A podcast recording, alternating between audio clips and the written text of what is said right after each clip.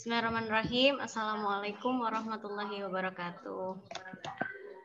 Waalaikumsalam warahmatullahi wabarakatuh. Alhamdulillah, alhamdulillahirrahmanirrahim. Assalatu wassalamu ala asrafil anbiya wal mursalin wa ala alihi washabihi ajmain.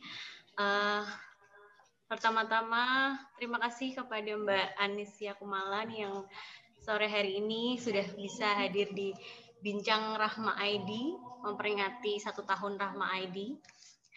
Uh, kita hari ini mau ngobrol dengan tema kesetaraan dalam keluarga uh, bersama Mbak Anesia Kumala, LC MPSI. Beliau ini adalah penggagas Samara Course Nasiatul Aisyah dan juga dosen di Fakultas Psikologi UHAMKA. Uh, gimana nih Mbak Anesia kabarnya? Sehat ya? COVID gini makin sibuk atau gimana nih? Ya baik, alhamdulillah meskipun pandemi ya makin makin sibuk sebenarnya uh, sepertinya makin sibuk ya. Yeah. uh, banyak WF uh, kegiatan juga makin banyak. Uh -uh.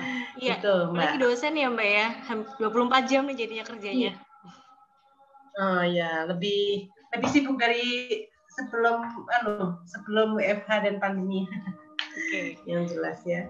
Iya. Hmm. Nah, kita kan sore ini mau ngobrolin soal temanya kesetaraan dalam keluarga nih, Mbak.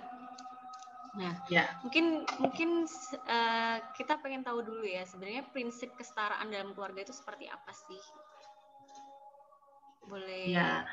Baik, terima kasih. Ini uh, obrolannya menarik ya, temanya hmm. menarik dan uh, selalu uh, up to date ya untuk kita uh, bicarakan. Meskipun sudah berkali-kali, udah udah sering dari ini masalah-masalah yang cukup cukup lama gitu ya, tapi ternyata uh, apa bangunan kesetaraan dalam keluarga ini terus menerus kita harus harus mainstreaming harus perjuangkan juga ya karena ada beberapa hal yang ternyata belum sampai pada uh, konsep kesetaraan itu sendiri.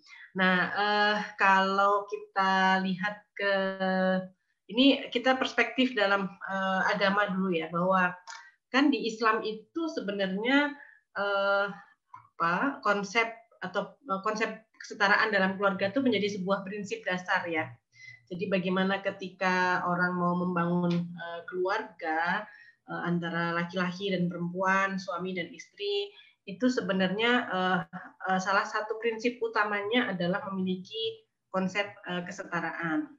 Nah, dalam Islam sendiri kan laki-laki dan perempuan itu sebenarnya uh, setara ya, setara dalam arti tidak sama persis gitu. Pasti ada peran-peran uh, jenis kelamin, peran-peran gender yang tidak bisa uh, apa saling bertukar begitu ya. Tetapi prinsip kesetaraan itu maksudnya adalah semua uh, di mata Allah itu sama yang membedakan hanya takwanya bukan laki-laki dan perempuannya. Kan itu ya yang selalu kita kita selalu dengung-dengungkan begitu. Jadi di dalam beberapa ayat sendiri sudah secara eksplisit dikatakan uh, apa uh, Allah itu akan me, Allah menciptakan laki-laki dan perempuan gitu ya setara sama dan yang membedakan adalah ketakwaannya. Inna akramakum indallahi atqakum. Jadi itu yang menjadi prinsip kesetaraan yang pertama saya kira dalam perspektif agama kita ya.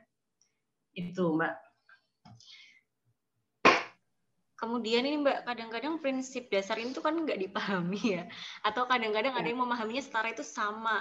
Ya kalau kamu boleh gini, aku boleh gini. Nah itu batas-batasannya gimana sih Mbak? Ya, uh, gini, setara itu uh, setara itu sebuah uh, prinsip keseimbangan ya. Jadi bukan benar-benar totalitas sama gitu. Kalau totalitas sama nanti peran uh, perempuan dan laki-laki tidak ada tidak bisa saling melengkapi gitu. Kan uh, Allah menciptakan laki-laki dan perempuan dengan peran uh, seksnya sendiri-sendiri ya. Misalnya perempuan dengan kodrat perempuannya sebagai ibu mengandung melahirkan dan seterusnya itu tidak bisa digantikan memang? Gitu ya? Uh, itu tidak bisa digantikan oleh laki-laki kapan pun sampai sampai kapan pun dan di mana pun itu uh, tidak bisa digantikan. Nah artinya tidak kemudian setara itu harus sama persis enggak. Tapi saling melengkapi itulah yang menjadi kesetaraan ya uh, saling melengkapi itu yang menjadi uh, prinsip kesetaraan. Jadi artinya dengan kodrat perempuan tadi uh, sebagai ibu melahirkan, menyusui dan seterusnya mengandung begitu ya, itu bukan berarti kemudian perempuan itu menjadi apa lebih rendah daripada laki-laki misalnya yang dikatakan uh, sering kan orang mengatakan laki-laki itu imam kiwamah tuh atau kepemimpinan itu ada dalam laki-laki uh, misalnya begitu ya. Itu ya, bukan berarti kemudian uh, apa namanya laki-laki itu ditempatkan dalam dalam dalam konsep kesetaraan keluarga ya. Ber, tidak berarti kemudian laki-laki itu menjadi sangat dominan dan semuanya harus harus uh, laki-laki sentris gitu ya harus berpusat pada laki-laki. Tapi di situlah letak kesetaraannya bahwa perempuan juga diberikan uh, anugerah oleh Allah laki-laki juga diberikan anugerah oleh Allah yang perannya sendiri berbeda-beda yaitu saling melengkapi nah itu di situ uh, titik kesetaraannya seperti itu tidak ada diskriminasi atau tidak ada uh, kan kalau dalam prinsip bahkan dalam uh, mungkin uh, dokumen Muhammadiyah itu ada prinsip keluarga sakinah itu ya. salah satu prinsipnya itu adalah prinsip pemuliaan manusia. Nah, itu dari awalnya sudah seperti itu perspektifnya. Jadi manusia itu dimuliakan, laki-laki dan perempuan itu sama, sama mulianya, sehingga kalau ada sudah ada perspektif itu, maka kita bisa terhindar dari apa yang disebut dengan diskriminasi. Kalau sudah tidak ada diskriminasi, tentu itu juga bisa menghindarkan kita dari kekerasan berbasis gender misalnya. Jadi kekerasan-kekerasan dalam rumah tangga berbasis gender entah itu laki-laki sebagai pelaku dan perempuan sebagai korban ya kebanyakan atau sebaliknya laki-laki sebagai korban atau perempuan sebagai pelaku itu hmm. tidak ada lagi dan bisa dihindarkan kalau uh, kita semua sebagai laki-laki dan perempuan suami dan istri dalam keluarga ya dalam konteks keluarga itu memegang prinsip tadi pemuliaan manusia jadi manusia itu selalu semuanya mulia, tidak ada yang mana yang lebih, tidak ada mana yang kurang. Jadi semuanya sama, sama mulianya. Ya, okay. begitu juga antara dengan hak dan kewajiban. Jadi kalau kemuliaannya sama, maka di sisi Allah ibadah itu pun artinya juga sama gitu kan. Eh, dan seterusnya seterusnya. Jadi hak hak dan kewajibannya itu hanya ya terbatas pada eh, artinya bukan bukan kemudian karena laki dan perempuan eh, berbeda gitu. Nah, Mbak, kenapa sih prinsip kesetaraan ini tuh menjadi penting gitu dalam keluarga? Gini, uh, kalau kita membangun keluarga itu kan rumah ya. Rumah itu selalu harus ada yang yang mau jadi pondasinya, harus selalu ada yang mau jadi atapnya, harus selalu ada yang mau jadi apa misalnya lantainya gitu ya. Hmm. Jadi ada komponen-komponen yang ter uh, apa yang berbeda-beda, yang fungsinya juga berbeda-beda yang kalau seandainya rumah itu hanya terdiri dari tiang-tiang, nggak ada yang mau, mau jadi lantai kan nggak bisa jadi rumah juga. Yeah. Nah sama dengan keluarga, artinya kalau kita dalam laki-laki perempuan tidak apa ya, uh, tidak memandang konsep uh, kesetaraan ini, uh, misalnya semuanya pengen dominan atau semuanya pengen uh, tidak apa uh, subordinan itu juga nggak bisa gitu ya atau ya itu tadi jadi nggak ada yang uh, saling melengkapi tadi nggak ada. Padahal rumah itu uh, untuk menjadi sebuah tempat yang nyaman terutama untuk semua anggota keluarga dan terutama untuk tempat terbaik bagi tumbuh kembang anak misalnya itu kan harus melalui tadi itu kesetaraan. Jadi kalau kita bicara uh, ini ini kesetaraan itu dampaknya banyak ya mbak ya. Hmm. tadi kenapa harus ada kesetaraan? Misalnya tadi kalau kita sama-sama antara laki dan perempuan saling menghormati, saling memuliakan. Tadi uh, misalnya tidak uh, tidak terjerumus atau terhindar kita dari misalnya diskriminasi, kekerasan berbasis gender dan seterusnya. Kalau itu sudah uh, sudah sudah ter apa namanya ter uh, penuhi dengan baik, maka dampaknya yang lebih jauh lagi adalah kepada perkembangan anak, tumbuh kembang anak. Jadi kalau kita bicara kualitas parenting misalnya dalam sebuah keluarga, itu kita nggak bisa lepas dari uh, bicara tentang kualitas perkawinan, gitu kan? Jadi uh, mungkin ada parenting yang baik kalau kualitas perkawinannya juga nggak baik misalnya gitu. Jadi saling mempengaruhi lah, itu saling uh, terkait ya, um, saling saling terkait, saling berkorelasi. Nah, perkawinan yang baik tadi yang berkualitas tentu juga harus didasarkan pada sebuah prinsip kesetaraan tadi supaya nggak nggak timpang. Nah, uh, tadi gimana sih seharusnya pembagian yang setara? ke ini ya, saya pengen tanya, uh, bisa nggak sih Mbak dikasih contoh lebih detail gitu pembagian uh, kesetaraan dalam keluarga, misalnya tugas-tugas uh, apa sih uh, suami itu sebenarnya yang, oh ya ini tugasnya suami yang memang, oke okay, ini udah bagian suami kalau istri nggak melakukan ya itu dipahami. Kemudian mana sih tugasnya istri gitu? Kayak misalnya kan mengandung kan tidak bisa ganti gitu ya. Memang tugasnya istri. Bisa dijelasin nggak uh, lebih detail tentang bagian tugas itu? Iya, Ya, uh, jadi kan tugas itu uh, peran itu kan ada peran jenis kelamin, ada peran gender ya. Kan kita sudah tahu sendiri uh, jenis kelamin dan gender itu perbedaannya apa. Kalau jenis kelamin berarti kan sudah kodrat ya, uh, sudah sudah given begitu. Sementara gender itu kan uh, didasarkan pada konstruk sosial gitu ya. Jadi uh, bisa berubah uh, seiring dengan perubahan zaman, tempat dan seterusnya gitu ya. Nah, kalau uh, pembagian peran saya kira uh, kalau tadi kaitannya dengan jenis kelamin tentu nggak nggak bisa digantikan ya. Nah, yang tadi saya katakan itu misalnya perempuan harus mengandung, melahirkan, uh, menyusui dan seterusnya gitu. Itu kan hmm. pasti nggak bisa digantikan. Tetapi pada peran-peran yang lain, uh, ini yang sering di sering di apa ya, sering dipahami oleh masyarakat kita gitu ya bahwa pembagian peran laki-laki dan perempuan itu misalnya uh, perempuan itu uh, adanya di sumur dapur kasur misalnya gitu kan ya laki-laki itu uh, di luar rumah untuk mencari nafkah gitu dan seterusnya itu kan uh, sebenarnya adalah peran-peran uh, saya pikir itu peran gender ya yang itu berdasarkan pada konstruk sosial. Yang tidak tidak apa tidak given dari sananya begitu untuk tugas itu. Tetapi itu adalah berkaitan lagi dengan uh, apa yang apa menjadi apa kesepakatan ya dalam dalam keluarga. Tentu apa pun yang dilakukan uh, perbagian pembagian tugas misalnya antara laki-laki dan perempuan siapa yang masak siapa yang ngurus dapur siapa yang kerja dan seterusnya itu bisa dibicarakan dalam uh, dalam pasangan begitu artinya uh, dalam konteks ini kita tidak lagi kemudian bicara seperti tadi tidak bisa digantikan seperti melahirkan dan menyusui itu gitu ya tapi ini adalah hal-hal yang sifatnya uh, sangat uh, temporer dan sangat sangat uh, apa namanya kontekstual begitu. Jadi sangat bisa digantikan sesuai dengan kondisi yang ada.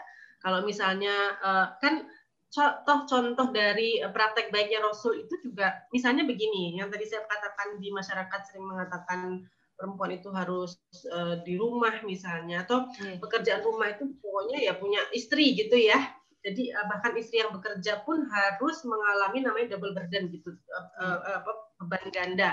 Antara dia bekerja di luar karir di luar kemudian pekerjaan rumah itu juga menjadi tanggung jawab penuh uh, pada si istri. Nah ini yang kemudian tidak uh, tidak ada apa komunikasi dan prinsip kesetaraan tadi itu. Bahkan praktek baik Rasul itu kan Rasul juga me, apa namanya membantu ya membantu istri ada di rumah dan seterusnya. Jadi ini uh, adalah sesuatu yang uh, sangat bisa dibicarakan. Bahkan misalnya uh, dalam hal nafkah juga begitu ya, tidak selalu kemudian laki-laki uh, yang uh, harus menanggung 100% begitu. Uh, jadi ini adalah sesuatu yang sangat mungkin uh, sangat kontekstual, sangat mungkin dibicarakan dalam dalam kondisi keluarga tertentu. Suaranya Uh, Oke okay, Mbak, jadi uh, kan tadi kan bisa dibicarakan ya kata Mbak Anisia ya. Berarti apakah sebelum menikah uh, kita tuh penting untuk membicarakan ini dan menyempakati ini kepada calon pasangan kita? Ya, kalau uh, sebaiknya kita itu uh, ketika menikah itu kan juga sudah ada paling tidak kita memahami satu sama lain begitu ya uh, apa bagaimana kemudian perspektif calon pasangan kita, kemudian pandangan-pandangan seperti ini bagaimana sehingga ketika nanti menikah itu tidak lagi menjadi persoalan besar gitu ya. Jadi hal-hal prinsip itu sudah terurai dulu untuk menghindari ini tadi menghindari uh, konflik yang tidak bisa diselesaikan ya karena prinsip-prinsip yang nggak sama gitu ya.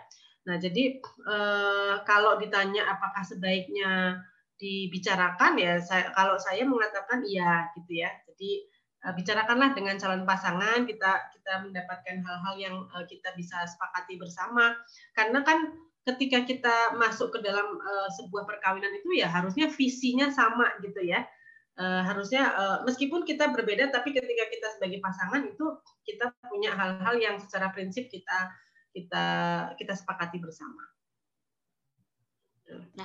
Oke Mbak, uh, kemudian sebenarnya apa sih nilai-nilai positif gitu ya uh, ke depan yang bisa diambil dari adanya kesetaraan dalam keluarga ini gitu? Selain mungkin tadi ada yang sudah dijelaskan tadi saling melengkapi gitu ya. Kemudian uh, bisa bertumbuh untuk uh, memuliakan anak-anak mendidik anak-anak dengan baik kayak gitu Ya, jadi uh, apa hal positifnya gitu ya dampak positifnya. Ya, dampak positif. Kita uh, ya uh, mungkin saya bicara dulu tentang uh, aspek psikologis ya. Jadi kalau dalam keluarga itu kan ada yang disebut uh, kalau dalam pernikahan dulu ya disebut dengan uh, marital satisfaction, kepuasan perkawinan. Itu uh, perkepuasan perkawinan itu ya harusnya di, di apa di uh, diraih oleh kedua belah pihak laki-laki dan perempuan suami dan istri begitu ya.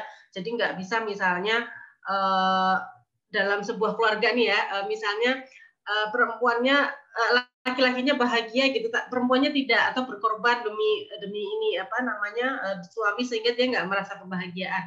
Itu juga menjadi timpang gitu ya. Yang saya maksud adalah kalau dalam sebuah rumah tangga idealnya kepuasan perkawinan itu uh, diraih oleh kedua belah pihak. Itu satu. Nah, uh, untuk meraih itu tentu kita juga perlu ada apa istilahnya ada kesepakatan-kesepakatan ya, ada ada ada sebuah uh, ikatan yang baik yang itu bisa bisa diraih kalau kita juga punya perspektif yang setara. Artinya begini, Eh, kebahagiaan itu bukan hanya milik laki-laki saja misalnya atau perempuan saja enggak ya. Keduanya harus juga uh, apa saling saling merasakan. Tidak boleh misalnya satunya hanya berkorban untuk satu, uh, pasangannya gitu. Nggak boleh. Dua-duanya harus sama-sama punya uh, punya apa kebahagiaan yang sama. Itu satu. Jadi kalau kita punya prinsip kesetaraan tentu kualitas perkawinan kita itu juga akan menjadi uh, menjadi sama atau menjadi baik begitu laki-laki dan perempuan. Nah, yang tadi saya sampaikan juga adalah dampaknya ini nggak hanya ke perempuan dan laki-laki sebagai suami istri, tapi juga dampaknya kepada eh, anak-anak uh, tadi. Kalau uh, uh, kualitas perkawinannya menjadi baik, maka kualitas parentingnya juga menjadi baik. Rumah itu atau keluarga itu akan menjadi tempat terbaik bagi tumbuh kembang anak. Ini yang paling penting ya. Lalu anak-anak itu juga akan menjadi atau membuat uh, ayah dan ibunya kualitas hubungan ayah dan ibunya itu menjadi model kan karena betapa banyak misalnya kekerasan yang dilakukan oleh remaja, anak atau bahkan orang dewasa sekalipun itu kan bersumber dari karena seringnya mereka melihat kekerasan dalam uh, keluarga mereka misalnya gitu ya. Nah, uh, jadi exposure terhadap kekerasan itu bisa jadi berdampak pada bagaimana perilaku dia terhadap interaksi dengan orang lain misalnya. Nah, uh, kalau kemudian uh, kesetaraan uh, keluarga tadi kemudian bisa menjelma menjadi sebuah keluarga yang harmonis, maka itu akan menjadi praktek atau model yang baik banget untuk anak-anak uh, ke depan. Kalau ini sudah harmonis, tentu tidak ada lagi yang namanya kekerasan gitu ya. Dan uh, betapa bahagianya masyarakat kita kalau uh, apa tidak ada kekerasan kan gitu ya. Uh, berawal dari keluarga yang baik Oke, okay. sebelum saya lanjut uh, lagi ngobrol-ngobrol sama Mbak Anisia, mau ngingetin nih buat Rahmania semuanya, jangan lupa untuk uh, kalau mau tanya silahkan langsung aja uh, di kolom chat. Nanti kita ada voucher undangan digital nih buat kalian. Mau nikah, mau uh, uh, ulang tahun atau mau apa uh, syukuran atau apa gitu bisa ya nanti bisa dikomunikasikan. Makanya yuk uh, yang buat Rahmani yang masih nonton sekarang jangan lupa pertanyaannya di kolom chat ya. Oke Mbak Anisya kita lanjut nih. Nah Mbak, gimana agar sedini mungkin nih selain tadi ya pembicaraan kepada calon pasangan uh, itu kita uh, menanamkan relasi yang setara di dalam keluarga. Ya, jadi sebenarnya uh, nilai-nilai itu tuh kan uh, apa nilai-nilai yang harusnya ya di, di, dimiliki oleh kita semua. Jadi tidak uh, kemudian tidak serta merta pemahaman atau prinsip kesetaraan itu kemudian muncul ketika kita baru mau pas mau nikah gitu nggak bisa juga gitu ya jadi sebenarnya itu uh, harusnya sudah menjadi output atau hasil dari uh, apa misalnya pendidikan kita gitu ya, sistem pendidikan kita kurikulum dan seterusnya gitu ya uh, yang kemudian uh, menghasilkan uh, menghasilkan orang-orang yang punya prinsip kesetaraan tadi, pemikiran bahwa laki-laki dan perempuan itu juga setara, punya uh, hak dan kewajiban yang sama dan seterusnya gitu ya.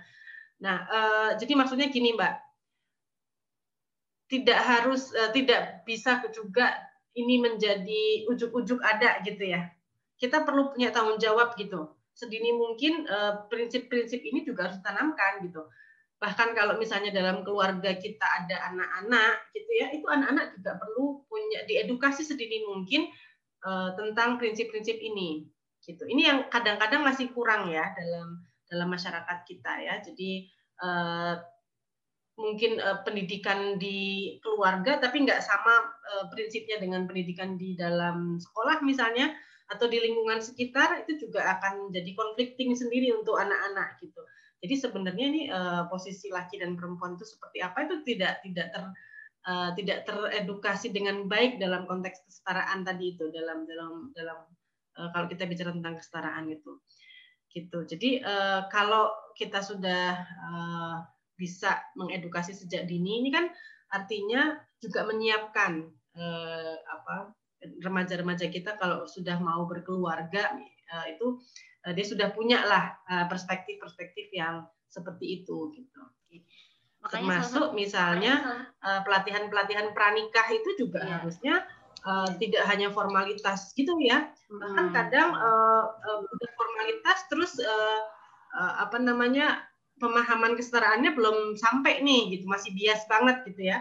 Saya sering uh, mendapatkan uh, apa masukan, sering mendapatkan pengaduan bahwa kalau ada apa uh, di BP4 tuh misalnya ada uh, apa istilahnya istilahnya apa sih uh, pelatihan uh, apa ya kursus pranikah atau apa gitu ya kita yang hanya berapa jam itu hanya uh, memberikan edukasi singkat yang itu istinya adalah eh perempuan kamu harus patuh betul, sama, sama suami, suami ya, betul. Uh, masak dan seterusnya seterusnya gitu ya laki-laki jadi itu juga masih sangat bias kadang-kadang di dalam eh, tenaga-tenaga ahli kita yang hubungannya dengan perkawinan loh. Iya betul. Ya kan KUA dan sebagainya itu kan yang hubungannya dengan itu ya. Itu pun kadang-kadang pemikiran mereka masih sangat uh, bias. Ya, ini yang uh, PR kita bersama sebenarnya uh, untuk menjadi ini mainstreaming nih.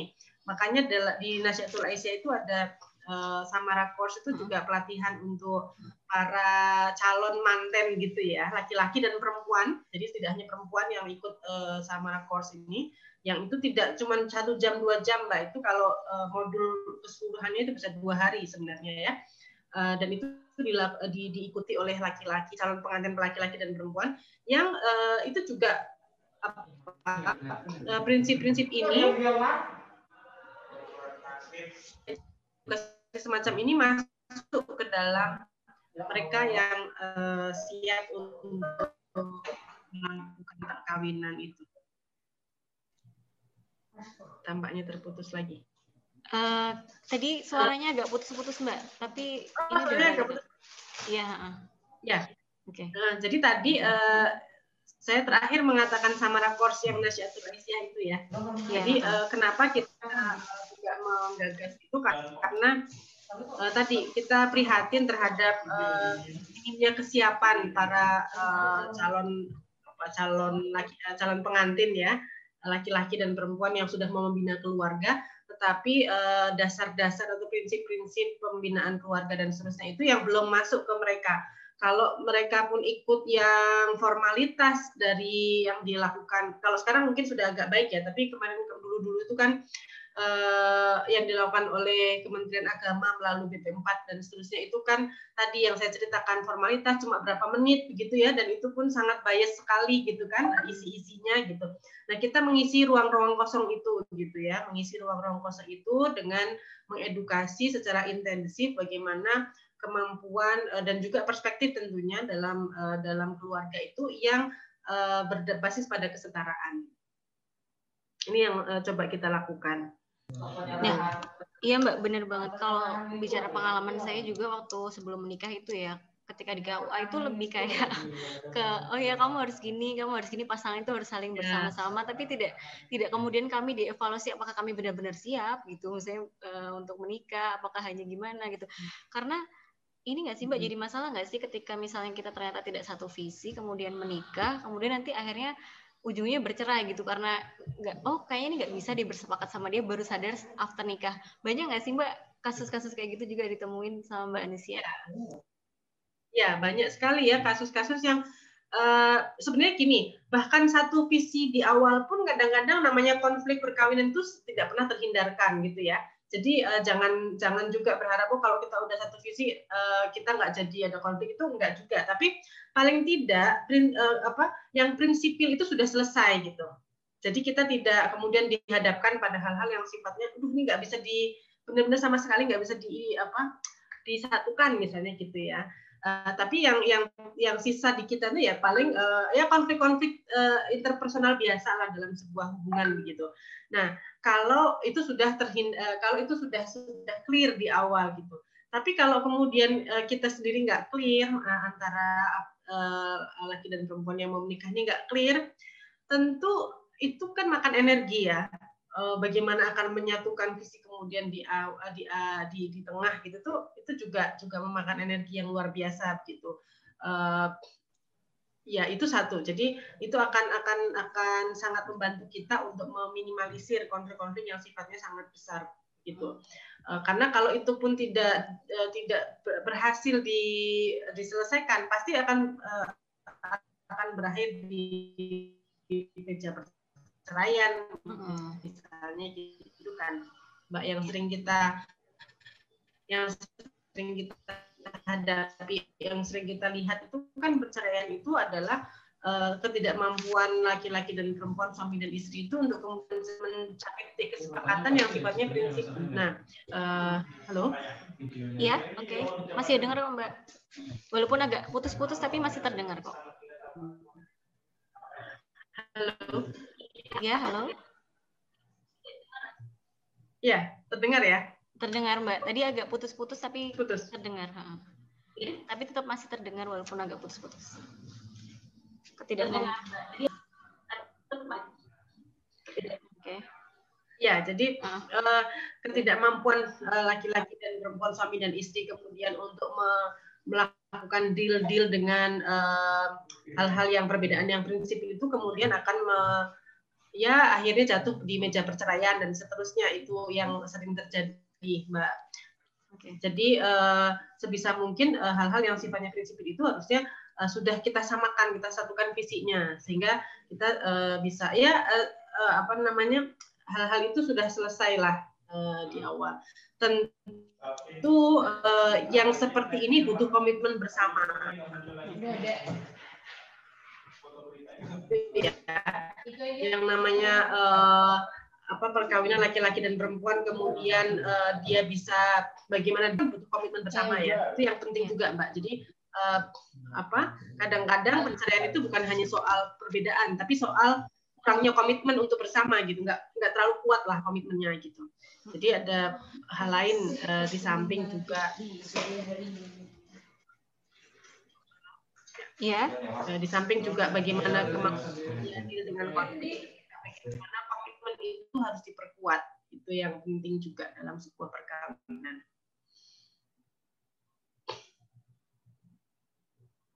Uh, Oke okay, Mbak, uh, kita lanjut lagi ya Mbak. Ini sebenarnya udah ada pertanyaan, tapi saya masih penasaran nih. Kemudian kalau tadi um, Mbak Anisya bilang komitmen ya sebenarnya yang paling akhirnya menentukan nih kita masih bisa lanjut apa enggak gitu ya. Nah, apa sih uh, ketahanan keluarga yang harus kita bangun gitu untuk untuk menguatkan komitmen itu apa?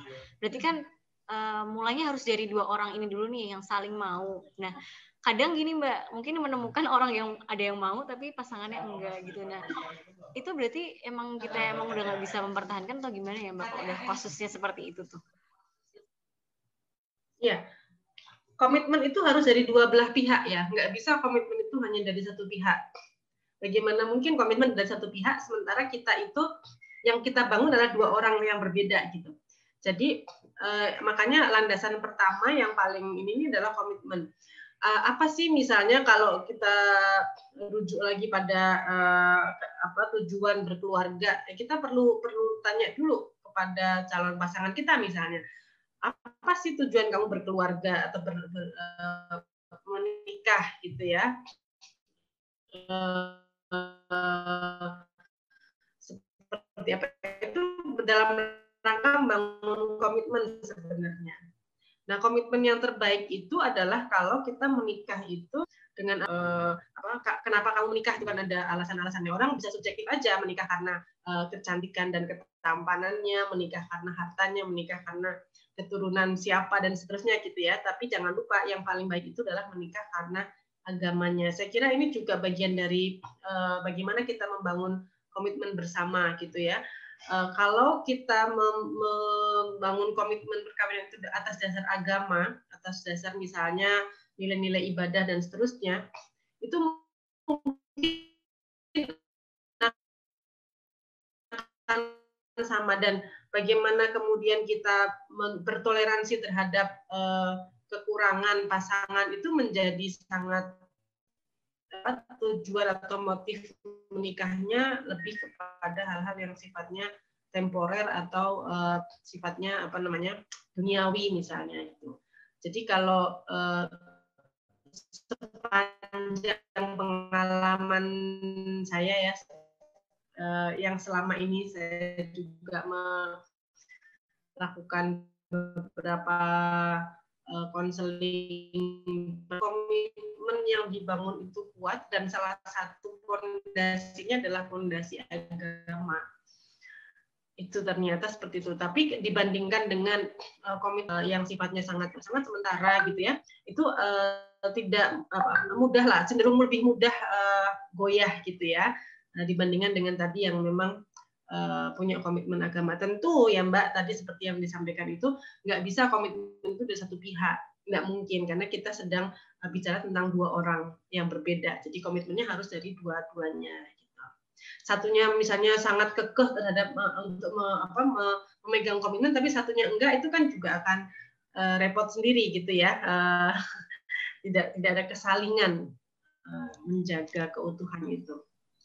Nah, Mbak, kalau dari Mbak Anesia sendiri nih, ada nggak sih tips-tips memilih pasangan gitu yang yang wah ini kayaknya cocok nih menjunjung kesetaraan nih gitu. Apa sih seharusnya kita pilih pasangan ideal yang pada akhirnya akan membantu kita untuk setara dalam keluarga itu yang gimana sih?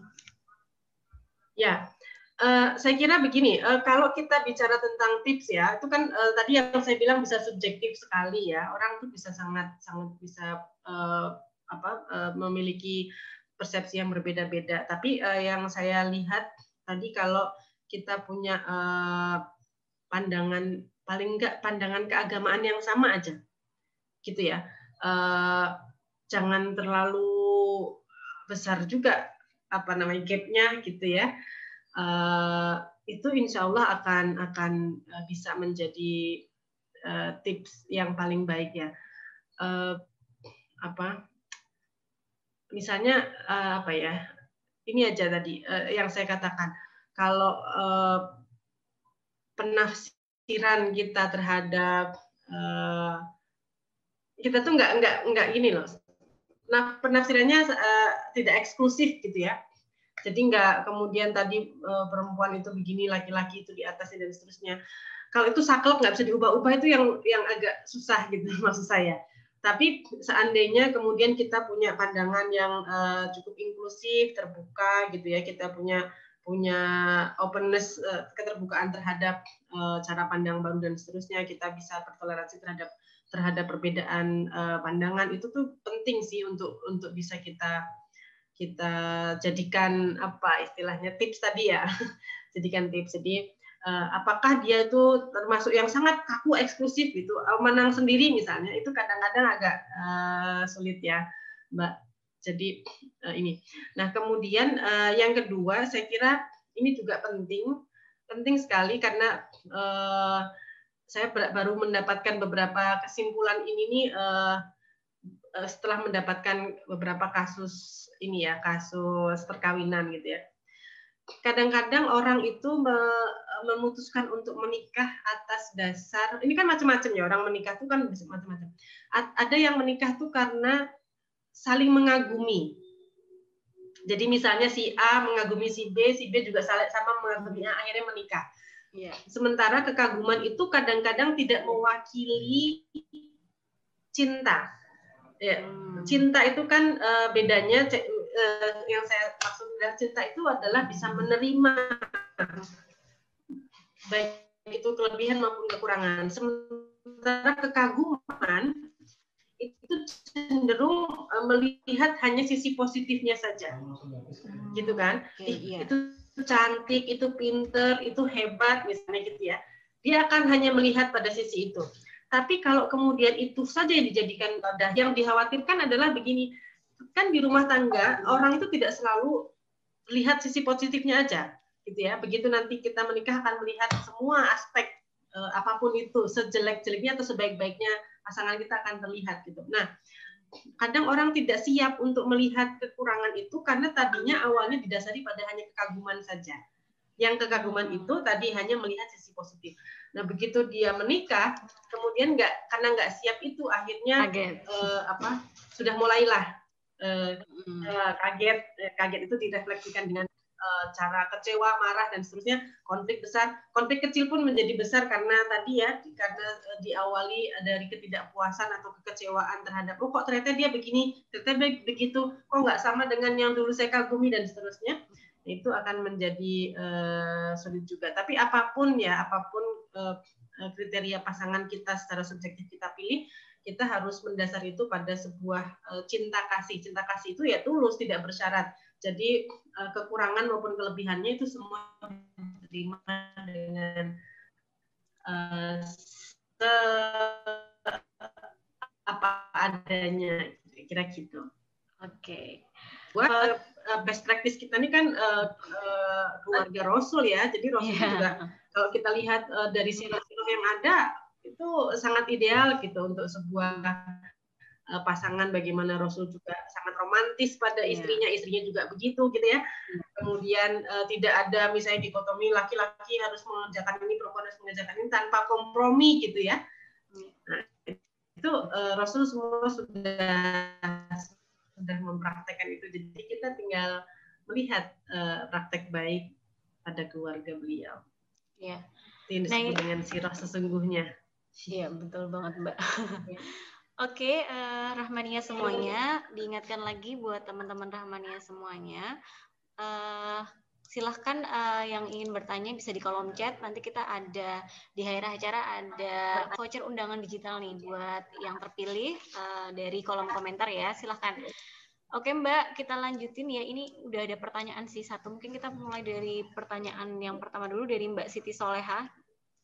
Assalamualaikum Kak, mau bertanya, apa yang menjadi pembeda dalam pemikiran kita terkait antara kesetaraan atau itu hanya ego diri saja? Nah, gimana tuh Mbak Anisia? Mbak, sorry, uh, suaranya putus-putus, Oh, putus-putus. Sorry, sorry, saya bacakan lagi ya. Udah jelas? Iya, iya.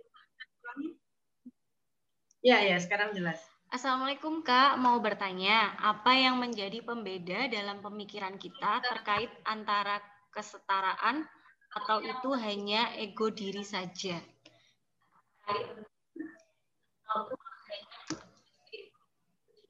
Gimana Mbak? Waduh, waduh. Sorry sekali. Maaf, suaranya tidak jelas. Atau ini aja ya, saya saya tuliskan di chat di Zoom ya. Mungkin Apakah nanti bisa dibaca. Soalnya Iya, iya, boleh, boleh, boleh. Di-share aja di di chat, Mbak. Saya biar ya, ya. Nah, ini Mbak udah saya chat. Ini Mbak Siti Soleh nanya, pembeda dalam pemikiran kita terkait antara kesetaraan atau itu hanya ego?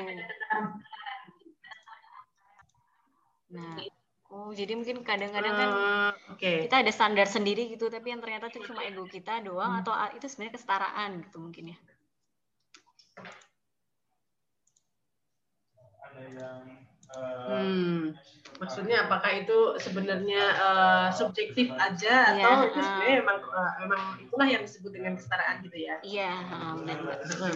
Iya, saya kira uh, tadi basis basis basis prinsip kesetaraan itu kan uh, tadi ya kita punya uh, punya kompromi, punya saling ridho gitu kan. Uh, kalau misalnya ada sesuatu yang uh, apa namanya antara laki-laki dan perempuan itu uh, tidak kemudian dilakukan karena uh, jenis kelamin tertentu, tapi karena memang itu adalah sebuah kesepakatan dalam uh, keluarga misalnya.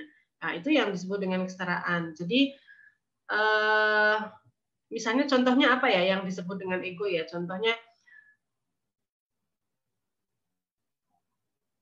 uh, ini misalnya perempuan nih ya, uh, uh, perempuan yang yang apa? Yang nanya kalau kalau uh, minta tolong pada pasangannya, pada suaminya untuk ikut masak misalnya, apakah itu kesetaraan atau itu ego gitu ya? Iya, uh, kira-kira gitu, gitu ya, Benar ya. Iya, ya, saya juga nangkepnya juga gitu, Mbak. Mungkin Contohnya. mungkin kayak gitu kan yang tidak biasa dilakukan. Mungkin karena ibu kita tuh kayak ah lagi males aja ya udah biar suami gitu misalnya gitu. Apakah itu ego atau itu kesetaraan gitu maksudnya? Ya ya kalau ego itu kan sifatnya temporer ya jadi hmm. cuma pada saat itu saja dia bisa berubah-ubah tuh kalau misalnya uh, kepentingannya berubah gitu. Tapi hmm. kalau sebuah prinsip ini kan sebenarnya nggak berubah gitu. Dan prinsip itu dalam situasi apa pun itu akan akan terjadi sama gitu kan. Ya. Uh, jadi kalau misalnya prinsip kesetaraan uh, dalam dalam konteks dalam situasi apa pun itu prinsip itu yang dipakai gitu. Tapi kalau ego ini membedakannya mungkin ya jawaban saya ego itu biasanya kan berdasarkan kepentingan sesaat gitu. Nah, kita bisa mengukur saja itu uh, kepentingan saat kita atau itu sebenarnya memang benar-benar prinsip yang kita perjuangkan gitu ya, yang yang kita junjung dalam dalam sebuah keluarga atau pasangan gitu. Jadi uh, itu sih uh, pembedanya mungkin gitu ya. Oke. Okay. Kalau subjektif saya atau atau ego saya kira memang sangat temporer. Oke, misalnya gini nih Mbak, uh, jadi saya juga uh, apa ya penasaran. Misalnya kita soal masak aja ya kita lanjutin ya tadi. Kita kita memasak uh, kemudian kita capek gitu ya seharian. Sekarang lagi ingin berhemat kan suami protes nih aduh kenapa nggak masak? Kenapa beli jajan? Ya udah kamu aja yang masak aku capek gitu. Tuh termasuk ego atau ya kalau kamu pengen hemat ya ya kita berhemat bersama dengan kamu yang masak ketika aku lagi capek atau pembagian seperti itu. Ya. Kan uh, tadi yang saya katakan masak dan dengan atau atau contoh dari uh, pekerjaan rumah yang lain pun hmm. itu kan sebenarnya bukan tugas salah satu saja. Tapi kan itu bisa dilakukan bersama. Jadi uh, tugas itu tidak hanya pada satu orang atau suami atau istri saja enggak kan? Itu kan bisa dilakukan bersama-sama. Itu bukan peran jenis kelamin gitu loh mbak yang seperti yeah. tadi nggak bisa digantikan itu hmm. tapi itu kan peran gender yang bisa sangat bisa berubah bisa bisa sangat apa namanya cair gitu ya. Eh, nah itu tinggal tinggal kesepakatan bersama tinggal pembicaraan bersama.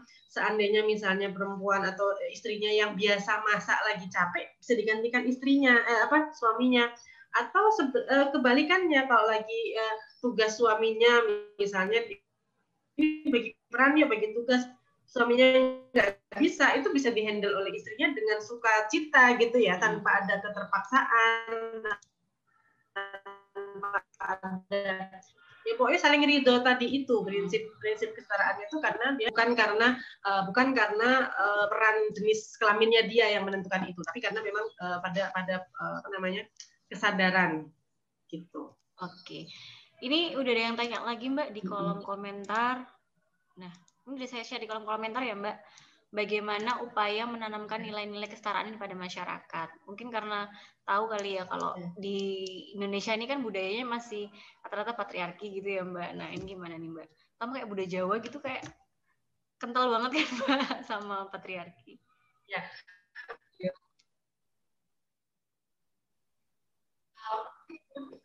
Kayaknya di semua uh, di semua suku bangsa, di semuanya masih yang ideologi gender yang non egaliter ya, yang tradisional, yang tadi itu pembagian perannya itu berdasarkan uh, pembagian peran gender itu masih banget. Misalnya kayak bikin kopi atau ke dapur itu tuh dalam budaya uh, beberapa budaya tuh bahkan sebagian besar budaya di kita tuh kan masih tabu untuk laki-laki gitu ya. Bahkan kalau misalnya misalnya nih orang berkunjung ke rumah temennya gitu ya. Eh pas di rumah temennya itu uh, si suaminya lagi cuci piring. Itu tuh jadi gunjingan teman-temannya tuh. Iya suaminya cuci piring. Ya itu tuh sering terjadi kan di masyarakat kita. Nah ini yang saya bilang sebenarnya uh, ini tugas kita bersama gitu ya. Uh, tugas uh, semua elemen masyarakat kita untuk bagaimana sih me menanamkan budaya-budaya atau nilai-nilai kesetaraan. itu sejak dini karena nggak bisa. Nilai-nilai itu kemudian hanya untuk tadi mau nikah baru muncul uh, prinsip itu di dalam dalam pemahaman dia itu juga juga mungkin tidak tidak bagus apa tidak tidak bisa juga selanggeng kalau kalau itu mulai dari uh, sejak dini.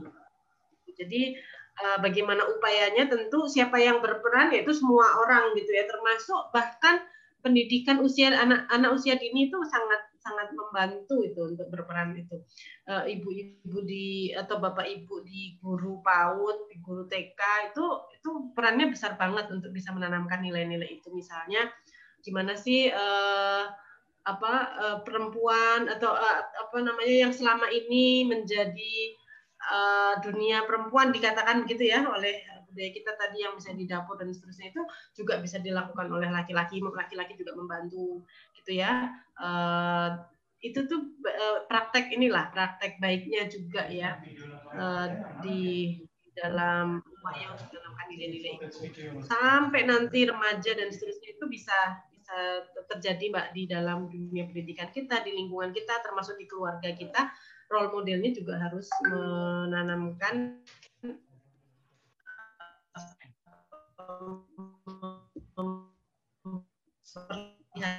nilai-nilai kesetaraan itu.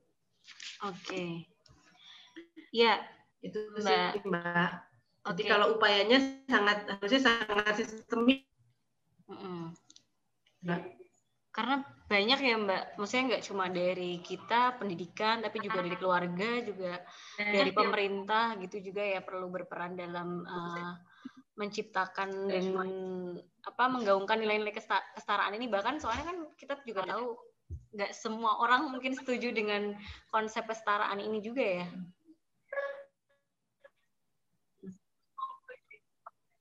Halo? Iya. Okay.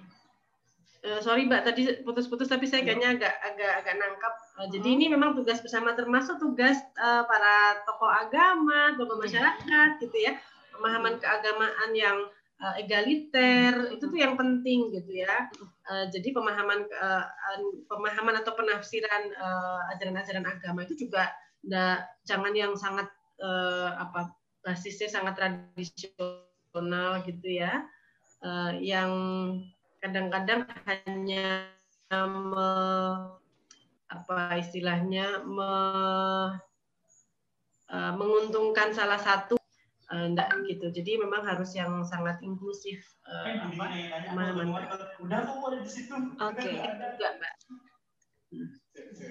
Oke, baik, Mbak. Ini ada yang bertanya, Mbak, satu lagi mungkin ya sebelum kita closing. Bagaimana tanggapannya Mbak Anisia nih terkait fenomena ter perempuan bisa menjadi seorang pemimpin tapi dalam Islam kalau bisa seharusnya mencari pemimpin laki-laki. Apakah benar Mbak? Hmm. Ya, tema ini tuh udah banyak eh, dibahas dari sejak zaman uh, ulama klasik terdahulu ya, bagaimana perempuan uh, memimpin ya.